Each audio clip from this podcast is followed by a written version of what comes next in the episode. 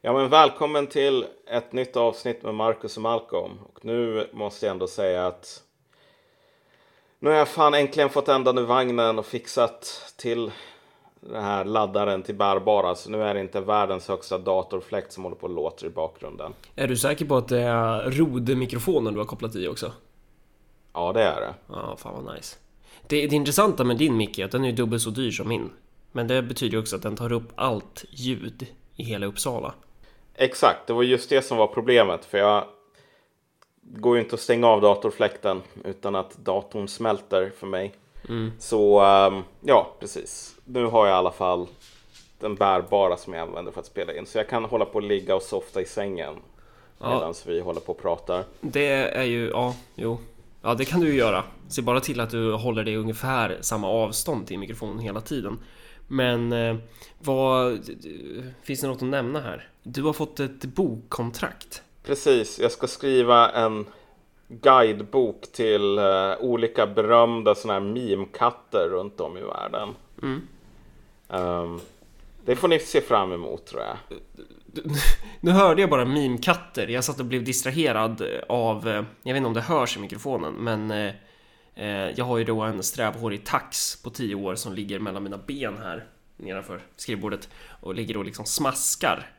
Eh, Men du sa något om mimkatter. Du ska, du ska skriva... Har inte du pratat om vad du ska skriva boken om tidigare? Kanske du inte har? Ja, det kanske jag har. Jo, jag skulle ju vilja skriva den här boken om just så här, varför vissa länder, däribland Ryssland och Japan, verkar vara mycket bättre på alltså videos om katter. Men eh, det får man ju inte skriva om i det här jävla DDR-landet, så det blir väl något så här politiskt tjafs istället. Lägg in lite genusperspektiv så, så är du nog hemma alltså. Ett genusperspektiv på eh, ryska och japanska meme-katter. Ja, lätt. Alltså då får du 2,4 miljoner från valfritt universitet direkt. Södertörns högskola bara. Ja, fan vad bra. Ja, om jag kan få det här till att de här katterna egentligen är så här verk användbara verktyg för att sprida islamism i Sverige, då kan jag ju få ett par extra miljoner av Ungdomsstyrelsen tror jag. Ja.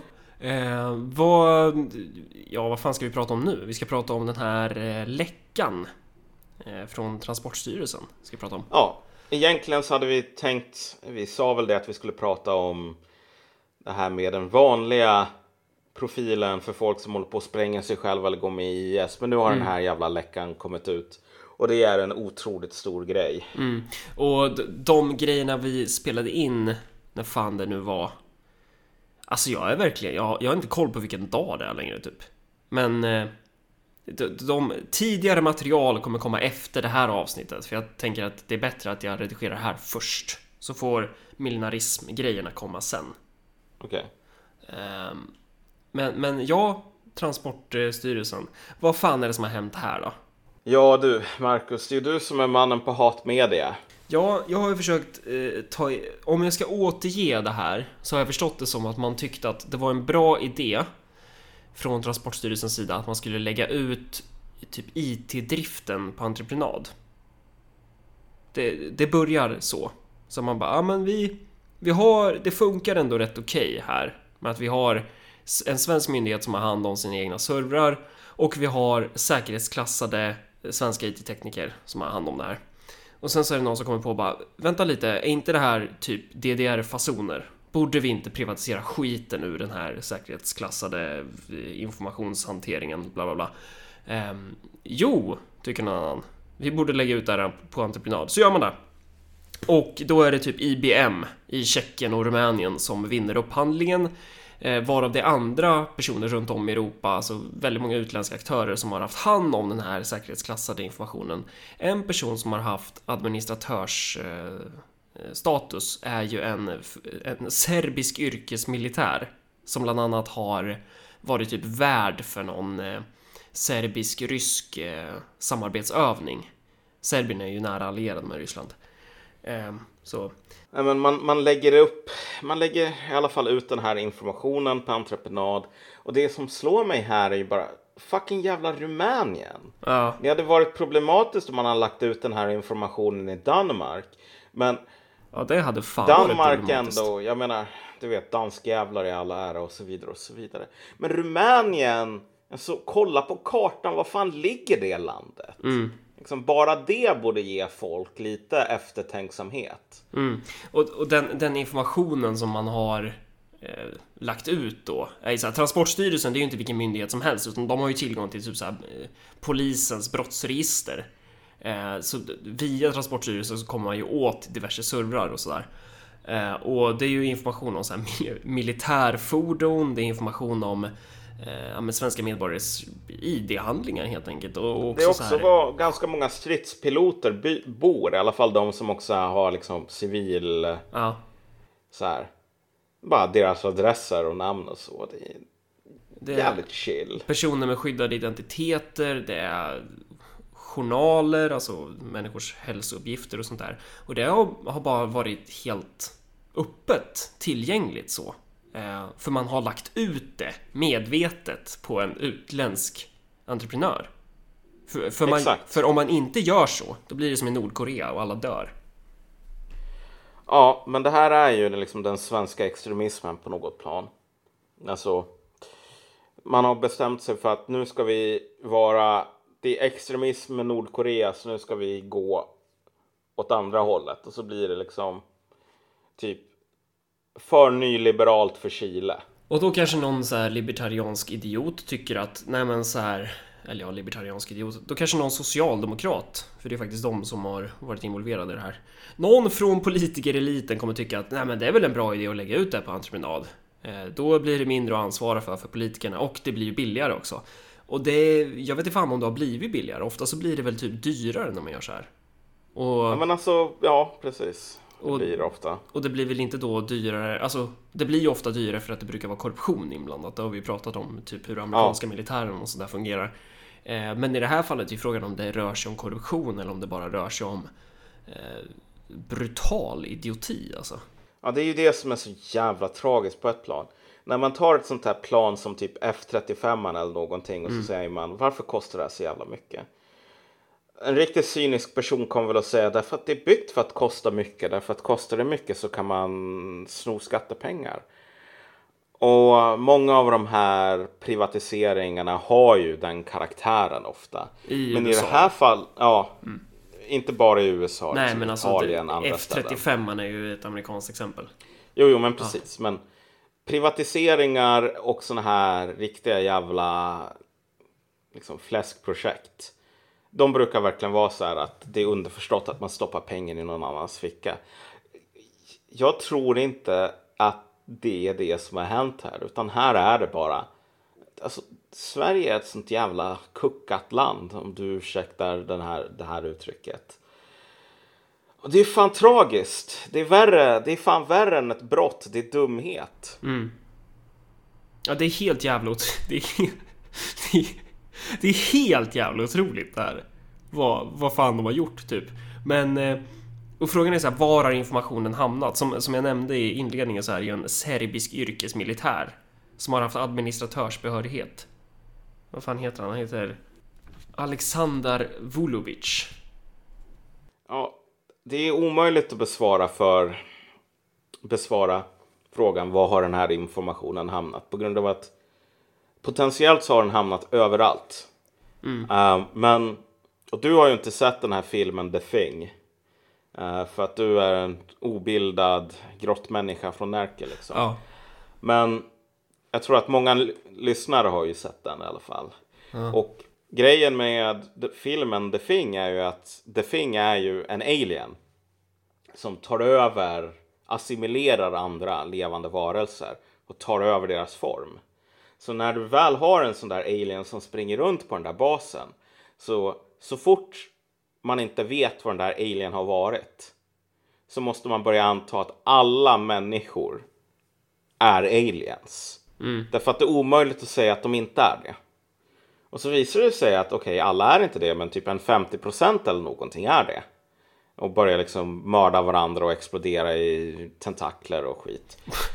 Eh, Po Men- Poängen är att så här, Ja. när man inte vet vad informationen är så finns det bara ett rimligt antagande och det är Ja, liksom, den precis. är överallt. vi, vi, vi är den där jävla arktiska basen där den här tentakelhunden har sprungit runt i korridorerna utan uppsikt liksom två timmar eller någonting så här.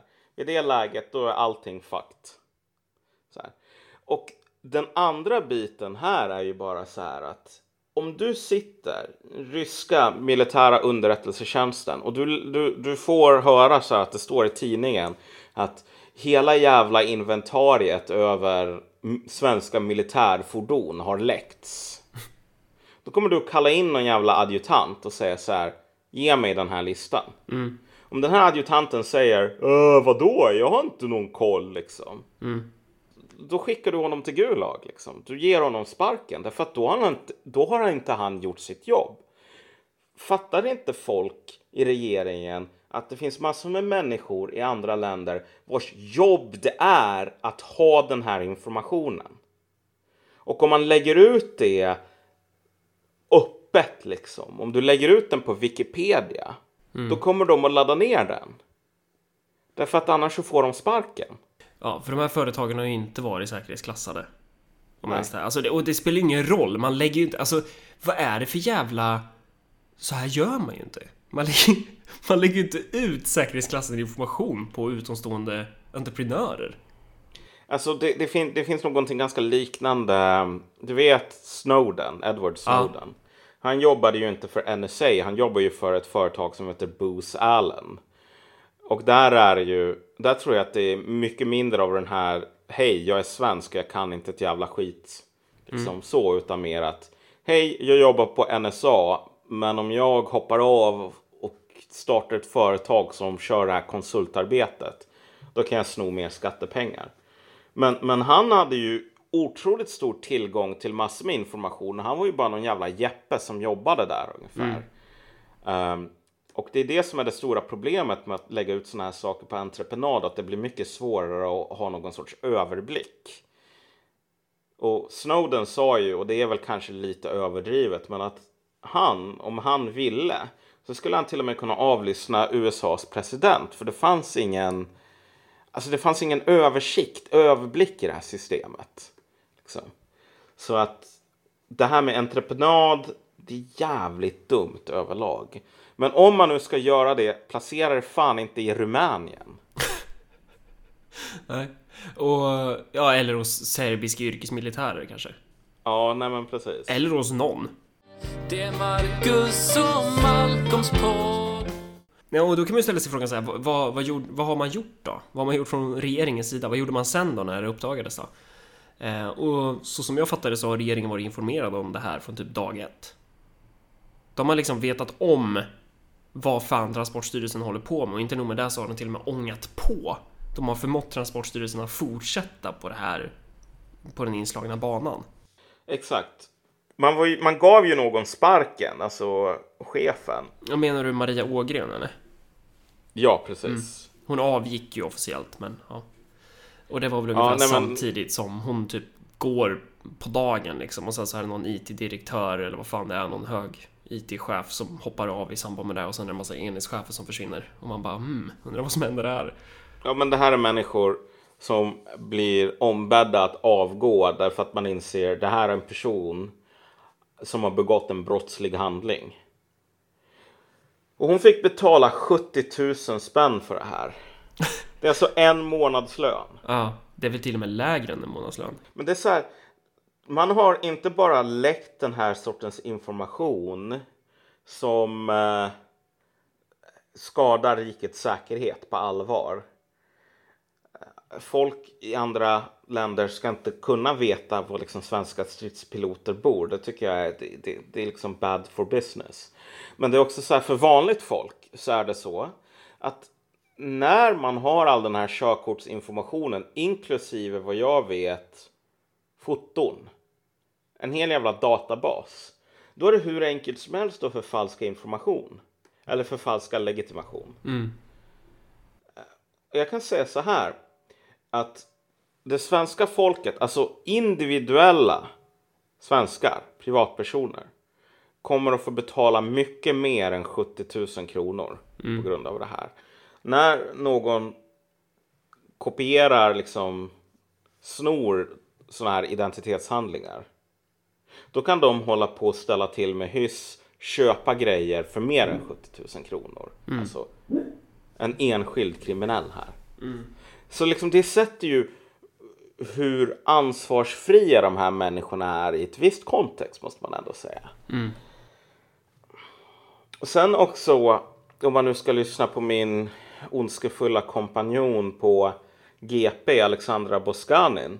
Planen är väl så att okej, nu har vi insett att det kanske inte är en jävla bra idé att ha den här jävla servern i Ruma- Rumänien eller vad det nu är man har den. Vi ska avveckla det om sex månader. Ja, och innan man går in på just hur jävla... jävla absurt det är så är det ju att anledningen till varför man vill avveckla det är ju för att det har kommit ut att så här, allmänheten vet om att regeringen har fuckat upp det. För de ville ju inte ändra på det förrän det blev liksom känt för allmänheten. Exakt. Man, man, man sparkar den här personen när man insåg hon kommer i värsta fall att hamna i fängelse i två månader. Men nu fick hon bara betala 70 000 kronor istället. Så liksom whatever. Eh, och då kan man inte ha en sån person kvar. Men sen säger man inte okej vi fuck upp och nu måste vi ändra på det. Utan man bara nej men det, vi tyckte olika om saker. Det här är ju helt ute nu. Bara, De här jättekänsliga uppgifter ligger ute. Det här är uppgifter som så här, utgör ett hot mot rikets säkerhet om de kommer i fel händer, vilket de redan har gjort. Eh, vad gör regeringen då? Precis som du säger bara, nej men vi kommer ändra det här. Jaha, när då? Ja, om sex månader. Ja, men precis. Vilken seriös säkerhetstjänst som helst i världen eh, har redan den här informationen antagligen. Men när, när man har den här totala slappheten som regeringen har idag. Du kan ju vara någon jävla så här ju- juggemaffia. Och bara inse att shit, här kan vi tjäna hundratusentals kronor. Om vi köper den här informationen. Liksom. Vilka känner vi nere i Rumänien? Liksom, hur får vi tag på någon som har den här administrationsinfon? Därför att liksom det här med identitetsbedrägerier och så vidare, det är ju fan en big business. Problemet är ju bara att det är väldigt sällan som man får en jävla, alltså som Transportverket säger, ja du vill hålla på med identitetsbedrägerier här, låt oss skicka våran databas till dig. Så att även en sån här riktigt halvamatörmässigt liksom kriminell organisation idag. Så att du vet en jävla stöldliga från Ukraina. Kan ju ägna sig åt det här nu. Ja, och det är ju tack, tack vare regeringen. Och de Ja. tycker typ så här att man ska kunna ägna sig åt i sex månader till. Ja, men exakt. Så här. Oj, shit. Du, du är någon jävla östeuropeisk maffia. Ja, ja, men vi, måste, vi kan ju inte ta bort din möjlighet att hålla på och typ um, lura massor med svenska privatpersoner på hundratusentals kronor utan förvarning. Så liksom, finish your business in six months. Liksom. Ja, jävlar. Alltså, det är sånt jävla clownland alltså. Ja men alltså det här är verkligen värre än handlingen i Police Academy. Det får ju, Police Academy får svenska regeringen att framstå.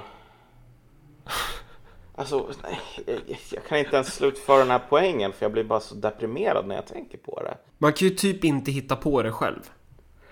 Ja, det är jävligt svårt att finna humorn i det just på grund av att det här är någonting som verkligen svenska privatpersoner kommer lida otroligt mycket av. Ja. Men sen också det här med att det här är ju, nu håller vi ju på i det här jävla fredsskadade landet och liksom säger att nej men det kan aldrig bli krig och så vidare. Men fattar inte folk att det kan bli krig? Och i, så, i sådana fall så har du gett folk ganska mycket information som kommer att leda till att människor dör. Och, som man, och man, man reagerar då inte med så här, okej men fuck allt det här ute, då stänger vi ner det här igår. Utan det är så här bara, ja men vi har läget under kontroll. Okej, när kommer ni stänga ner det? Har ni gjort det eller? Ja, om sex månader. Det är Marcus och Malcolms podd. När någonting sånt här händer så tycker man ju så här att då borde ju huvuden rullas. Regeringen borde ju typ ha avgått. Eh, vad ska man säga? Det här är ju verkligen en, en skandal av helt enorma mått mätt. Ja, det är det. Eh, men frågan är så här, vad gör oppositionen då? Vad, alltså här, här är ju drömläge för alliansen. Att bara så här, kolla vad fan de har, kolla de har fuckat upp det totalt. Ni borde avgå, man borde fälla regeringen liksom. Och det, de skulle ju kunna fälla regeringen om de var intresserade av det. Men man gör inte det. Man ligger ju lågt. Och vad säger, vad säger det om oppositionen och också vad säger det om om liksom det politiska etablissemanget i Sverige överlag? När, när man så här låter det här på något sätt passera. Man, man kan stå där i talarstolen och prata om att så här, men Stefan Löfven tar inte ansvar och bla bla bla. Men sen när det kommer till kritan, då är man ju lika jävla kackad själv. Man gör ju inte ett skit åt det. Och det kanske handlar om att man vet att om vi fäller regeringen för det här, om vi låter dem stå till svars för vad de har gjort här och nu, då kommer vi behöva stå till svars för samma sak, för att man är minst lika jävla eh, vidrig själv och har betett sig på ungefär samma sätt. Givet det parlamentariska läget så skulle ett misstroendevotum mot liksom, regeringen eller i alla fall Anders Ygeman. Det skulle ju lyckas. Det finns inget snack om saken. Jag menar om så länge som Alliansen kan få sina jävla ducks in a row. SD kommer att rösta för det. Det är inget snack om den saken för fem öre. Ehm, voteringen kommer att gå igenom. Problemet är bara att det finns väl två partier här som har världens sjuhelsikes panik nu. Det är sossarna och sen är det moderaterna. Därför att moderaterna, de vill vara, de, är de, alltså de har infekterats av samma sjuka som Vänsterpartiet slår mig nu. Alltså så här. Vänsterpartiets största mardröm vore att typ ta över styrningen av landet. Ja, idag. det är att få makt. Eh, och för att då, eftersom en- ens existens är på något sätt beroende av att kunna sitta och vara passiv. Att så här, oppositionen, den är bara teatral. Det är inte en äkta opposition. Jag menar, en opposition värdig Sverige. Den, den kan vara konservativ, den kan vara liberal, den kan vara socialistisk, whatever. Men den borde ju ändå vara så här gå hårt åt en regering som fuckar upp något så liksom gruvligt som den här regeringen har gjort. Men istället så sitter man där och helt jävla passiv för att man är, man vet att man, man själv har så jävla mycket så här eh, bagage i garderoben. Man vet att man själv kommer behöva stå till svars på samma premisser och därför gör man det inte. Så det du finns, vad? det finns ju ingen jävla opposition i det här landet. Nej men precis, alltså det skulle vara otroligt bra för landet om vår, vi fick en ny statsminister vid namn Anna Kinberg Batra ganska snart. Inte på grund av att så här, hon är någonting annat än en jävla själlös robot, vilket hon är. Det finns ja, väldigt få positiva saker om henne. Ja. Säg, att säga om henne, förutom att hon kanske är David Batras roligaste skämt. Men i slutändan så här, anledningen till att det skulle vara bra om hon blev statsminister är bara för att såna här saker, huvuden måste rulla. Man kan inte bete sig så här och sitta kvar. Det går inte. Det, är, det, det leder till otroligt skruvade eh, politiska incentiv om vi säger så. Alltså, du vet, när du fuckar upp, då måste du ut. Sen spelar det ingen roll om du ersätts med en jävla clown. Men du måste ut. Det måste finnas en jävla konsekvens av den här sortens handlingar. Men så att alltså det här är verkligen ett totalt öppet mål som Alliansen bara har att putta in den här bollen i. De behöver inte ens skjuta in den i krysset. De behöver bara ta, nudda vid den här bollen så kommer den gå in i målet. Men jag tror inte de kommer att göra det. Nej, för att det förutsätter ju att man, ett antagande om att alliansen är en genuin opposition, att inte alliansen är lika befläckad av den här sortens mentalitet Exakt. och beteende som sossarna är. Och det är ju det, är ju det som är det intressanta här, att titta på hela politiska etablissemanget som helhet. Och det här tangerar ju vad vi har pratat om tidigare, för att här ser vi ju verkligen svart på vitt att det rör sig om en slags nyadel. Som Ja. Det enda de är intresserade av här, det är ju inte hur det går för landet eller för folket, utan det enda som är relevant, det är ju hur man kan gynna sina egna politiska positioner. Här har de då ett läge att kunna slå mot sossarna, men då så vet de att, alltså de kommer inte göra det, de kommer inte fälla regeringen för att de vill inte ha makten. De vill bara kunna sitta bekvämt och kunna roffa åt sig. Ja, men alltså det finns självklart säkert en massa spelteoretiskt nonsens-tänk här liksom. Du vet det här, jo men okej, men om jag vinner, om det blir ett nyval nu, hur kommer mitt utgångsläge att vara då jämfört med om det blir ordinarie val? Kommer jag förlora ett par procentenheter? Kommer jag vinna ett par? Det finns säkert massor med sånt tänk i Moderaternas kansli Ja, definitivt. just nu. Men det som är mer oroande är, är väl att det kanske också finns en sorts esprit de bland eh, Sveriges yrkespolitiker. Ja, Man brukar ju prata om kårandan inom polisen, att den är rätt oskön. Vad fan, kolla på kårandan inom, inom politikerkåren. Ja, ja, men det är också så här, du vet, hur säger man ute i orten? Man golar inte. Nej. Don't snitch. Problemet blir bara när du har en politisk elit som har ungefär samma attityd. Att man håller inte på golar, man håller inte på burar in ens kollegor. Nej. När du får det, då, då får du en adel som tycker, vad fan, inavel, det är inte så himla dåligt ändå. Och när man börjar tycka att inavel, det, det är inte förknippat med problem, då inser man snart att du kommer att ha massor med jävla quasimodos som springer runt och som är totalt inkapabla. Ja, och framförallt så blir det ju svårare för en själv att hävda ens eh, maktanspråk. För då kommer ju, för att någon, någon gång i, i under det parlamentariska Sveriges historia så har ju ändå man kunnat sagt så här, men vi är folkvalda.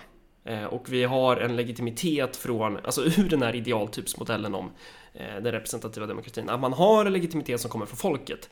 Men när man i ett läge är så jävla korrupt så att man bara bryr sig om de egna positionerna eh, och, och liksom är sin politikerkåranda trogen och skiter i folket och skiter i landet för att man det som är det viktiga är att hålla ryggen på varann.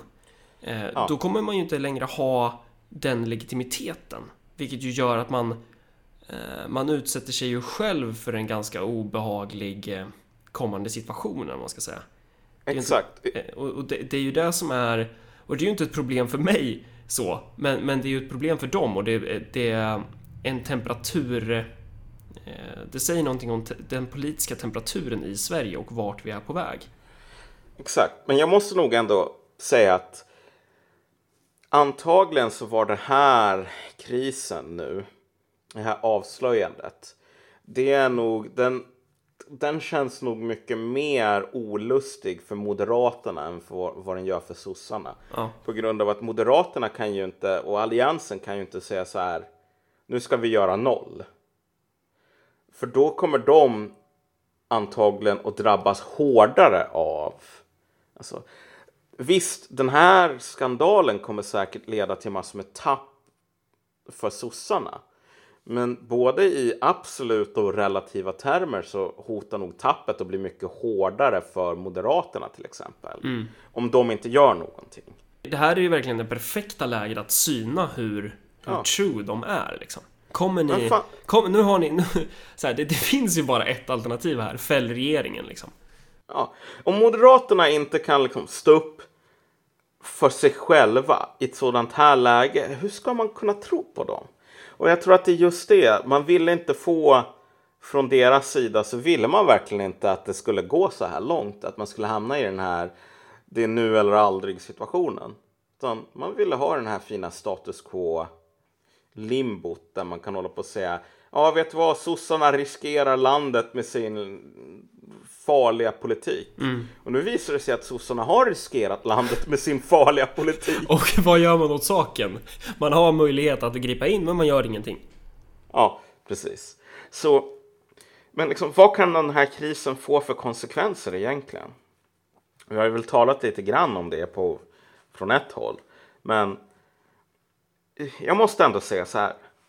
Jag var under ganska lång tid mycket skeptisk till att den här sortens pasokifiering som vi har sett i resten av Europa skulle komma hit på samma sätt. Och man kan ju säga vad pacifiering är också. Och det är, PASOK var ju det här grekiska socialdemokratiska partiet som var ju statsbärande parti under en lång tid och sen så fuckade de ju upp landet och nu så är de ju, finns de ju knappt kvar.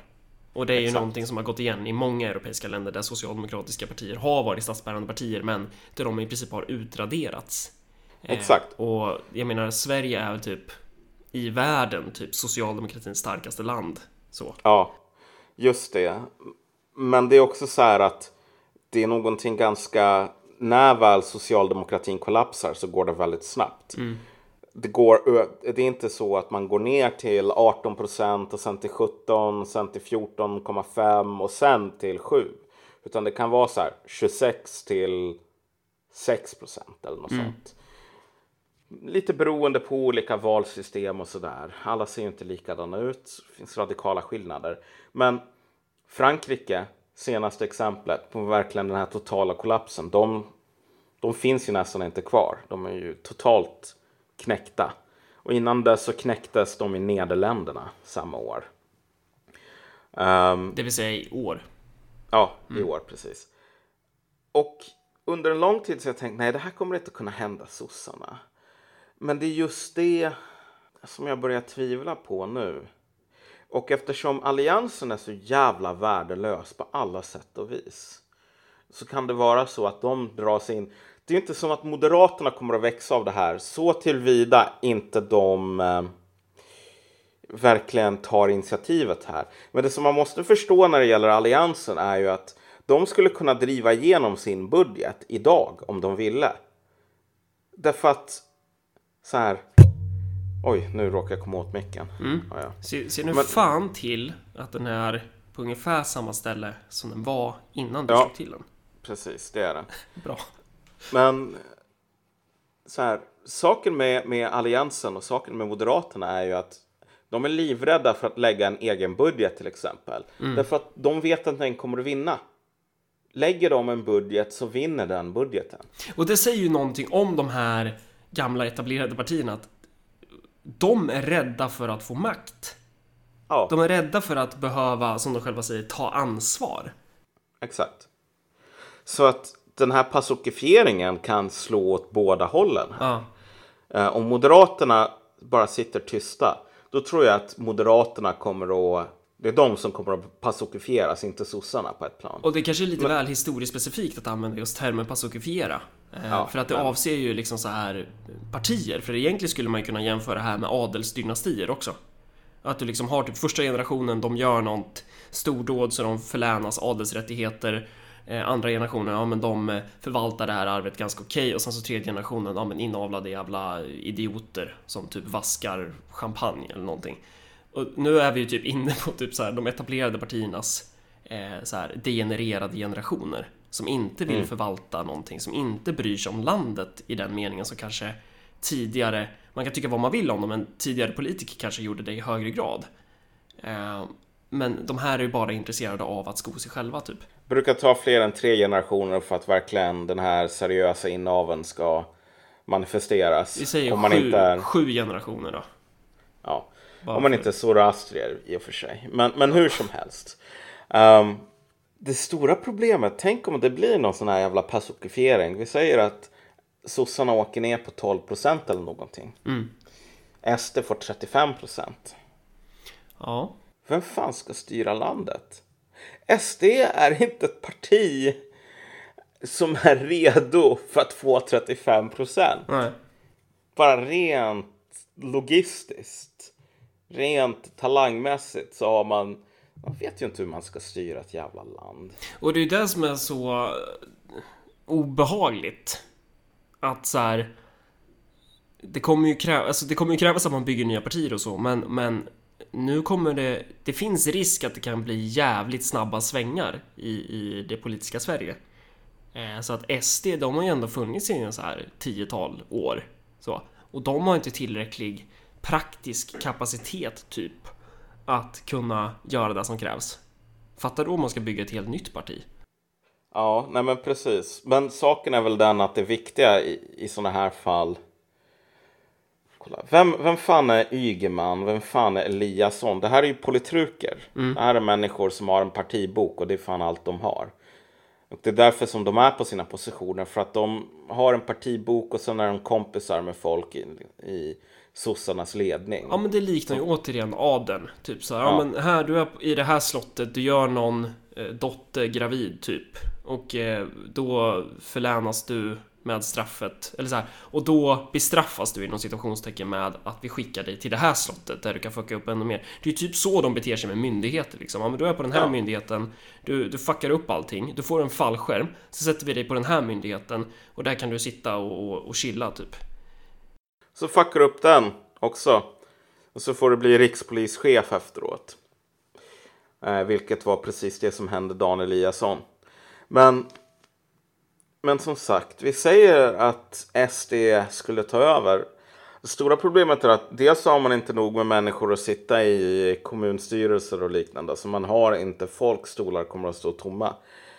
Eh, men den andra biten är väl att så här, nu har inte jag någon så här större eh, tilltro till att det här är ett parti som väljer rätt när man kan välja mellan det rätta och det totalt idiotiska. Så kanske kommer de att tänka, eller antagligen så kommer de att tänka, ja men nu kan vi ha våra egna politruker, våra egna Dan Eliassons liksom.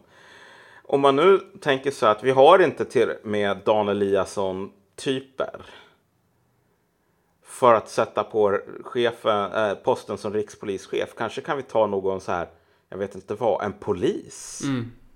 Resonerar man så, då kanske inte SD på 35 procent kommer att bli fullt den, ehm, den apokalyps som många befarar.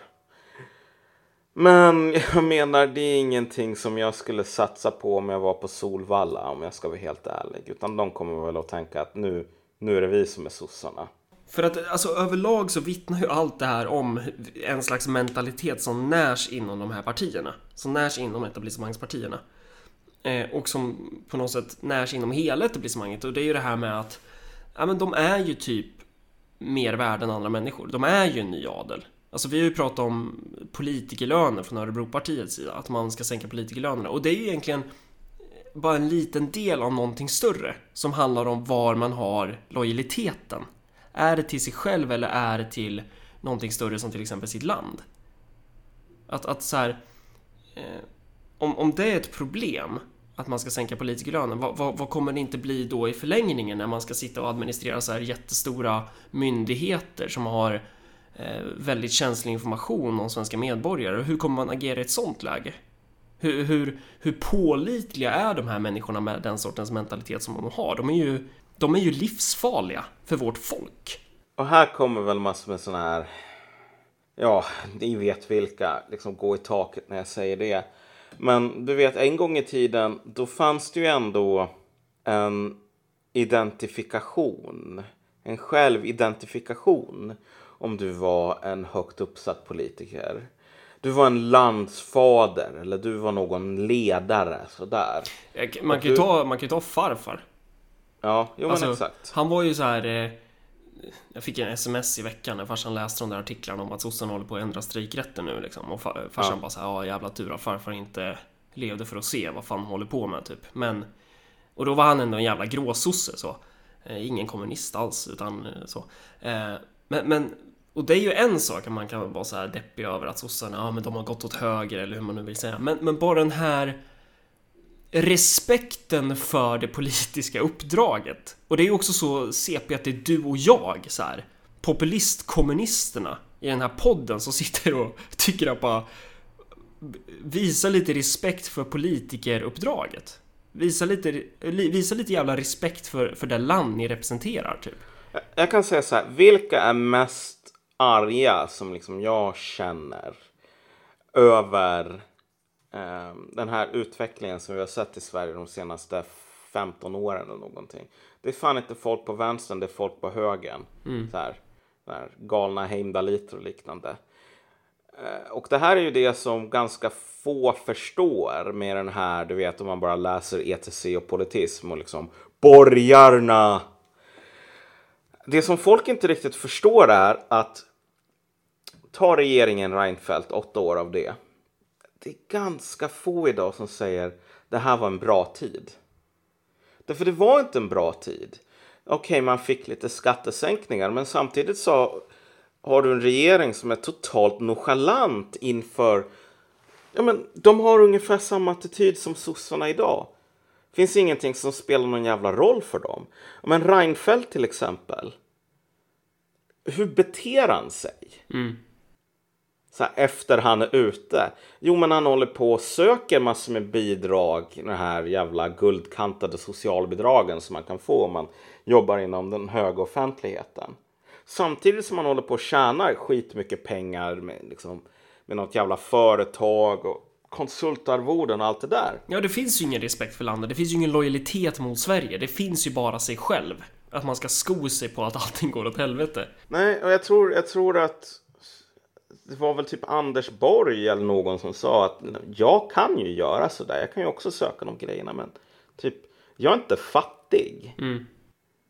Alltså, det ser inte bra ut. Man gör inte sådär. Kommer du ihåg den här grejen med eh, Linda Snecker var det ju? Ja, vänsterpartisten. Ja, precis. Hon, hon blev ju uppläxad av Björn von Sydow. Ja, Också en jävla gråsosse det. ja. Därför att alltså Björn von Sydow säger till Linda Snecker Förstår inte du hur det ser ut? När du tar ut din föräldra eller du tar ut din föräldraledighet och sen så avbryter du din föräldraledighet när ehm, Ja, tvärtom blir det. Hon, hon tar ut föräldraledighet när riksdagen öppnar, men innan det, när riksdagen är stängd, då har Ja. hon avbrutit den. Precis. Så att det blir ett stort hål i mitten liksom på Ja. sommaren. Så där hon hon- jobbar 100%. Ja, med att hon skulle skriva motioner. Undrar vad fan som hände med det? Det borde man ju fan näthata lite om kanske. Ja. Nu ger jag Ja, men- gratis här till de andra. Det, ja. Ja men exakt, men du vet Linda Snecker, den här fina vänsterpartisten Ja. Hon är fan inte så jävla annorlunda från Reinfeldt Och Reinfeldt är inte så himla annorlunda från Linda Snecker om man ska vända på steken Utan det här är ju människor som aldrig skulle kunna säga det som världens jävla gråsosse sa en gång i tiden oavsett hur citat höger eller citat vänster de är. Så skulle de inte kunna säga som den här ideologiska amöban från 50-talet som säger varje förslösad skattekrona är en stöld från folket. Mm. Så här, det där är någonting som har gått förlorat. Den sortens syn. Jag har skyldigheter gentemot mina medborgare. Det finns... Reinfeldt har inga jävla skyldigheter. Han har bara ett ballt jobb som man ska tjäna massor med pengar på. Och sen när han går av det så använder han eh, så har han använt jobbet som en jävla trampolin för att tjäna ännu mer pengar. That's it. Det är därför som man blir eh, det är därför som man blir statsminister i liksom Reinfeldt, nya Schlingmann-världen sådär. Medan någon som Borg som inte kör det där till 100% framstår som någon galen dinosaurie typ. Vad fan skor du dig inte själv för? Det där är också en anledning till varför, om man vill ha politisk förändring i Sverige, inte ska gå in i de etablerade partierna. Ja. Eh, Och det är ju också någonting som vi själva fick erfara. Bara, vad, vad händer? Alltså det här är ju, det här är gamla stötar som bara är intresserade av att sko sig själva. Och de kommer Ja. motarbeta allt som ämnar till att eh, kanske hota det status quo. Att förändra det lite grann liksom. Eh, istället så måste man bygga någonting nytt. Och det är så jävla viktigt. Alltså, man kan tycka så här. Jag återkommer till det hela tiden, men det här med politikerlöner eller de här alltså privilegier. Man kan tycka att det är skitgrejer, man kan tycka att det är skitsummor, men eh, det, det tangerar någonting mycket, mycket större. Det, det handlar om en mentalitet. Det handlar om på, varför håller man på med politik? Vad är det viktiga? Är, och, och, och, I våran i vårt samhälle idag så är det ju det är nu håller han på att röra på sig här. Det, det är ju korrekt att man ska sko sig själv. Det, det ses som, som, eh, som rätt nästan. Att, alltså man, man blir typ förvånad när politiker inte gör det. För att vi har blivit så vana vid den här sortens degenererade politikerklass. Men det vi behöver Exakt. är ju en helt ny eh, folkrörelse. Och det här är en jävla floskel. Men, men man måste ha med det här från början när man bygger det. Att man måste ha de här mekanismerna som hindrar människor från att bli korrupta. Och ifall någon jävel blir det, ja men då ska man slå ut tänderna på det här fanskapet. Jag skulle mycket hellre rösta på Medborgerlig Slam- Samling än Vänsterpartiet. Nu tror jag inte jag någonsin kommer att rösta på ändra av de här partierna. Men om jag var tvungen så skulle jag rösta på Medborgerlig Samling tusen gånger av tusen. Av den enkla anledningen att de skulle vara bättre för Sverige än vad Vänsterpartiet är. Vad vet Alltså, vi därför- om det här partiet egentligen? Alltså det enda, I- det enda jag okej vet är att, att partiledaren, alltså Ilan Sade, det är han som typ betalar ut min lön. Typ, Ja, just det. Okej. Annars, annars har inte jag någon koll på... Okej, och nu, nu, nu kan ju de verkligen visa sig vara jävla clowner så att jag får liksom äta upp de här orden. Men, eh, men poängen dit jag ville komma var att visst, de är ju höger. De, de vill ju vara de här borgarna som tar ansvar och som inte är där bara för att sko sig.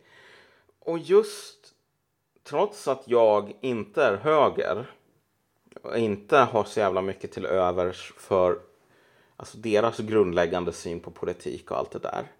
Så är det bara så att alltså, man kan inte ha i regeringen den här sortens attityd som har blivit så vanlig idag.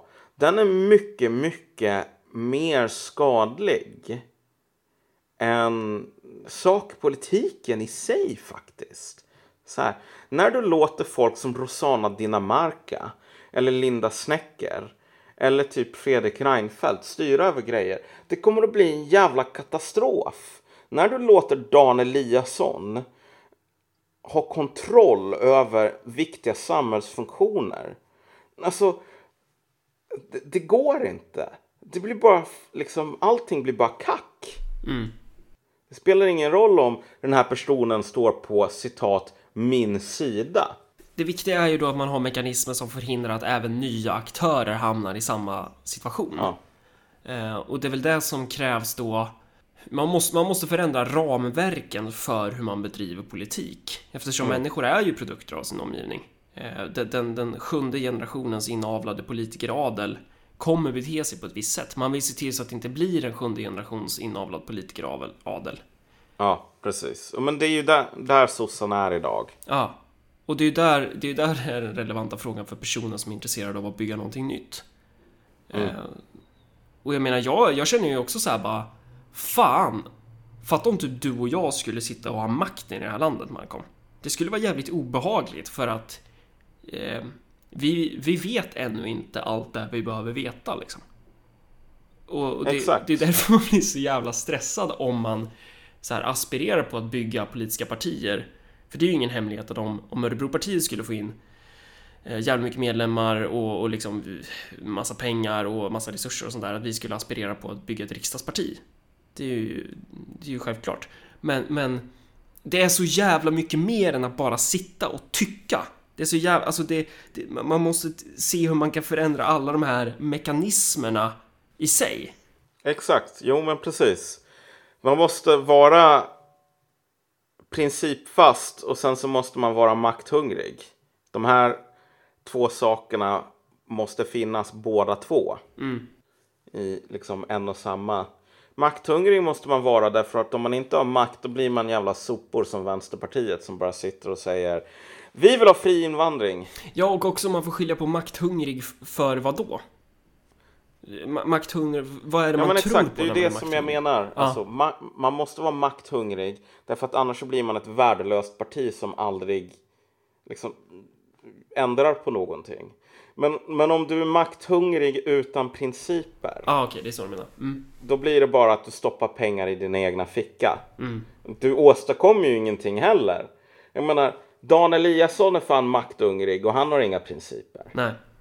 Hur jävla bra blir det som Dan Eliasson rör vid? Det blir inte bra. Så makthunger utan allvarliga principer, det är värdelöst. Principer utan makthunger, det är precis lika värdelöst eller ännu värre till och med.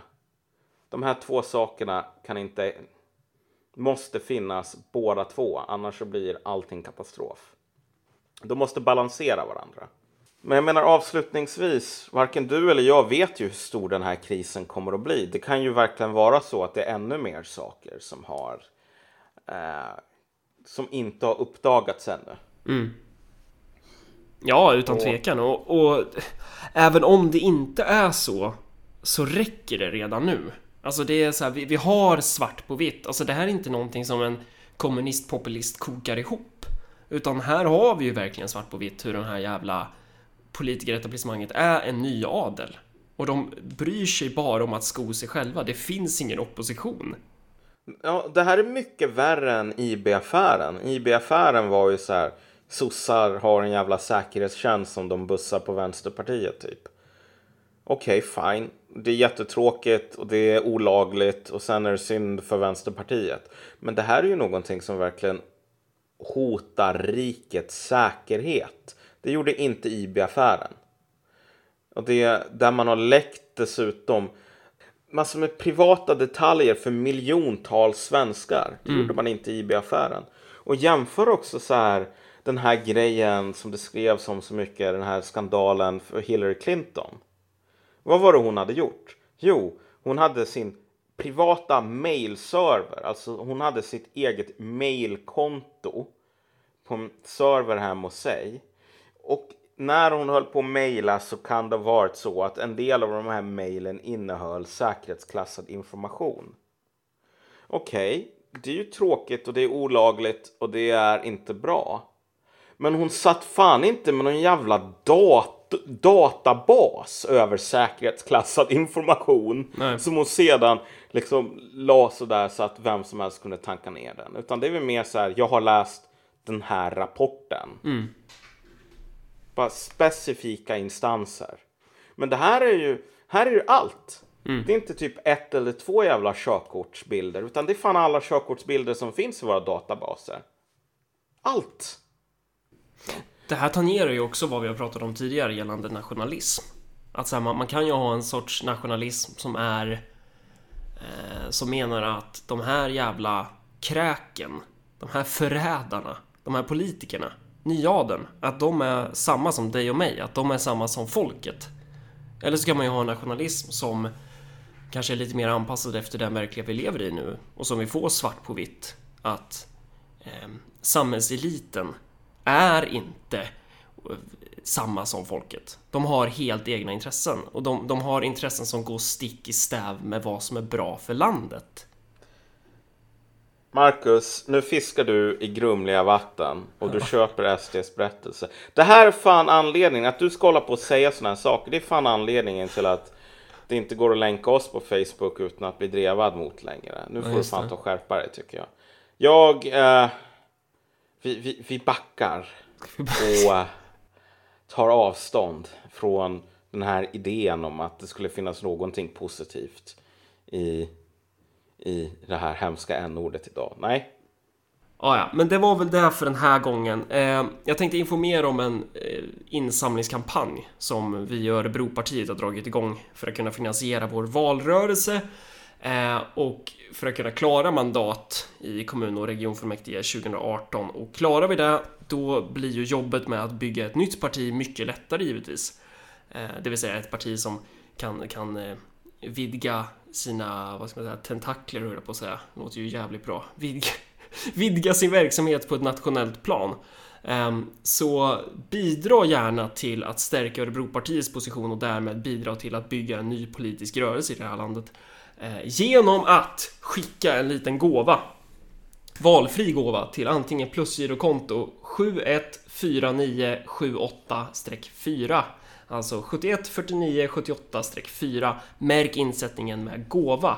Man kan också swisha till 123 043 99 43 Jag säger det igen. 123 043 99 43 och märk insättningen med gåva. Eh, Så vi har en mätare på Örebropartiets hemsida, jättefin i så här perfekt grön färg. Eh, Den kommer successivt att stiga i takt med att ni skickar in pengar. Så se, ta, ta, känn lite belöning när den stiger och du har skickat in pengar, då, då mår man bra. ja, Var det fint eller? det var fint. Och Då, får vi, då återkommer vi. Ja, det gör vi Eh, fan. Och då blir det väl som så att de avsnitten som vi spelade in innan det här avsnittet kommer ju komma ut efter det här avsnittet. Ja, okej. Men jag trycker på stopp nu. Ja, gör det.